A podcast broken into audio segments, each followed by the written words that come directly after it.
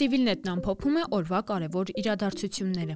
Արցախցիներին հյուրընկալած ֆիզիկական անձանց ֆինանսական աջակցություն կտրվի։ Պետությունը կվճարի Արցախյան պատերազմի մասնակից ուսանողների ու մասնագետների զավակների ուսման վարձը։ Հայաստանում հակակոռուպցիոն կոմիտեի ստեղծման համար կհատկացվի 8.2 միլիարդ դրամ։ Հայաստանում գործող կապի օպերատորներն Արցախում կկարողանան գործունեություն ծավալել։ Վարդան Սրմաքեշը եւ Արման Սահակյանը Գյումրիում բնակելի թաղամաս կկառուցեն։ Կորոնավիրուսի իրավիճակը Հայաստանում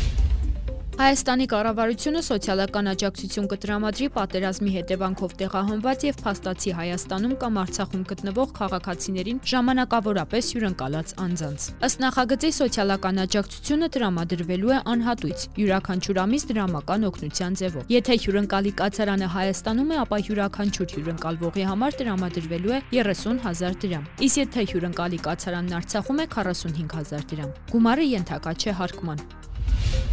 Հայաստանի կառավարությունը կփոխհատուցի նաև պատերազմին մասնակցած ուսանողների ու մասնակիցների ուսանող զավակների երկրորդ կիսամյակի ուսման վարձը։ Կառավարության այսօրվա նիստին հայտարարել է վարչապետ Նիկոլ Փաշինյանը։ Նա հույս է հայտնել, որ կառավարության հաջորդ նիստին պաշտոնապես կընդունվի որոշումը, նշելով, որ միջ այդ ուսման վարձի հետ կապված որևէ խնդիր բուհերում չպետք է առաջանա։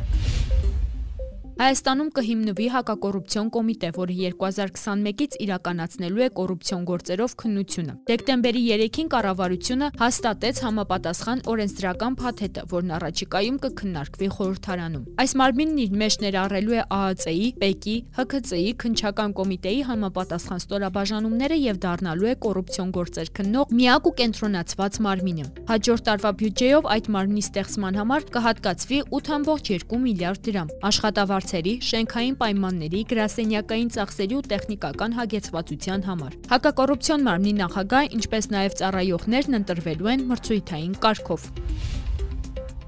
Արցախում կարող են գործունեություն ծավալել հայաստանյան բջջային կապի օպերատորները, հայտարարել է Արցախի նախագահ Արայիկ Հարությունյանը։ Նա Ստեփանակերտում ընդունել է Beeline բրենդի ներքո գործող Telecom Armenia ընկերության տնօրեններ Հայկ եւ Ալեքսանդր Եսայաններին։ Իդեպ մոտ ժամանակներս Հայաստանի Հանրապետությունում գործող կապի բոլոր օպերատորներին Արցախում գործունեություն ծավալելու հնարավորություն կտրվի։ Հանձնարարականների համաձայն կառավարությունն այս ուղղությամբ իրականացնում է ինտենսիվ բանակցություններ, որոնք ընդհանուր առմամբ պետք է հաջողված համարել։ Ոստի կարող եմ հավաստիացնել, որ արդեն գալիք տարվա սկզբին կունենանք Հայաստանի Հանրապետությունում մատուցվող կապի ոլորտի ծառայությունների որակին եւ գներին համաժեք կապ բջջայինի պարագայում առանց ռոմինգի հավելավճարի, ասել է Հարությունյանը։ Արցախում բջջային կապի միակ օպերատորը Ղարաբաղ Տելեկոմն է, որի կառավարումը պատերազմի ընթացքում անցավ պետությանը։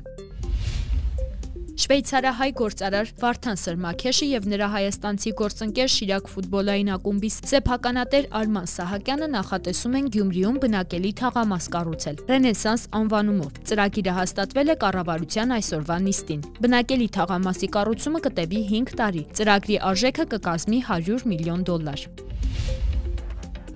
Դեկտեմբերի 2-ին Հայաստանում կատարվել է կորոնավիրուսի ախտորոշման 3453 թեստավորում, որից հաստատվել է հիվանդության 1277 նոր դեպք։ Այսինքն թեստավորվածների 37%-ը վարակված է եղել կորոնավիրուսով։ Առողջացել է 1433 մարդ, գրանցվել է մահվան 26 դեպք։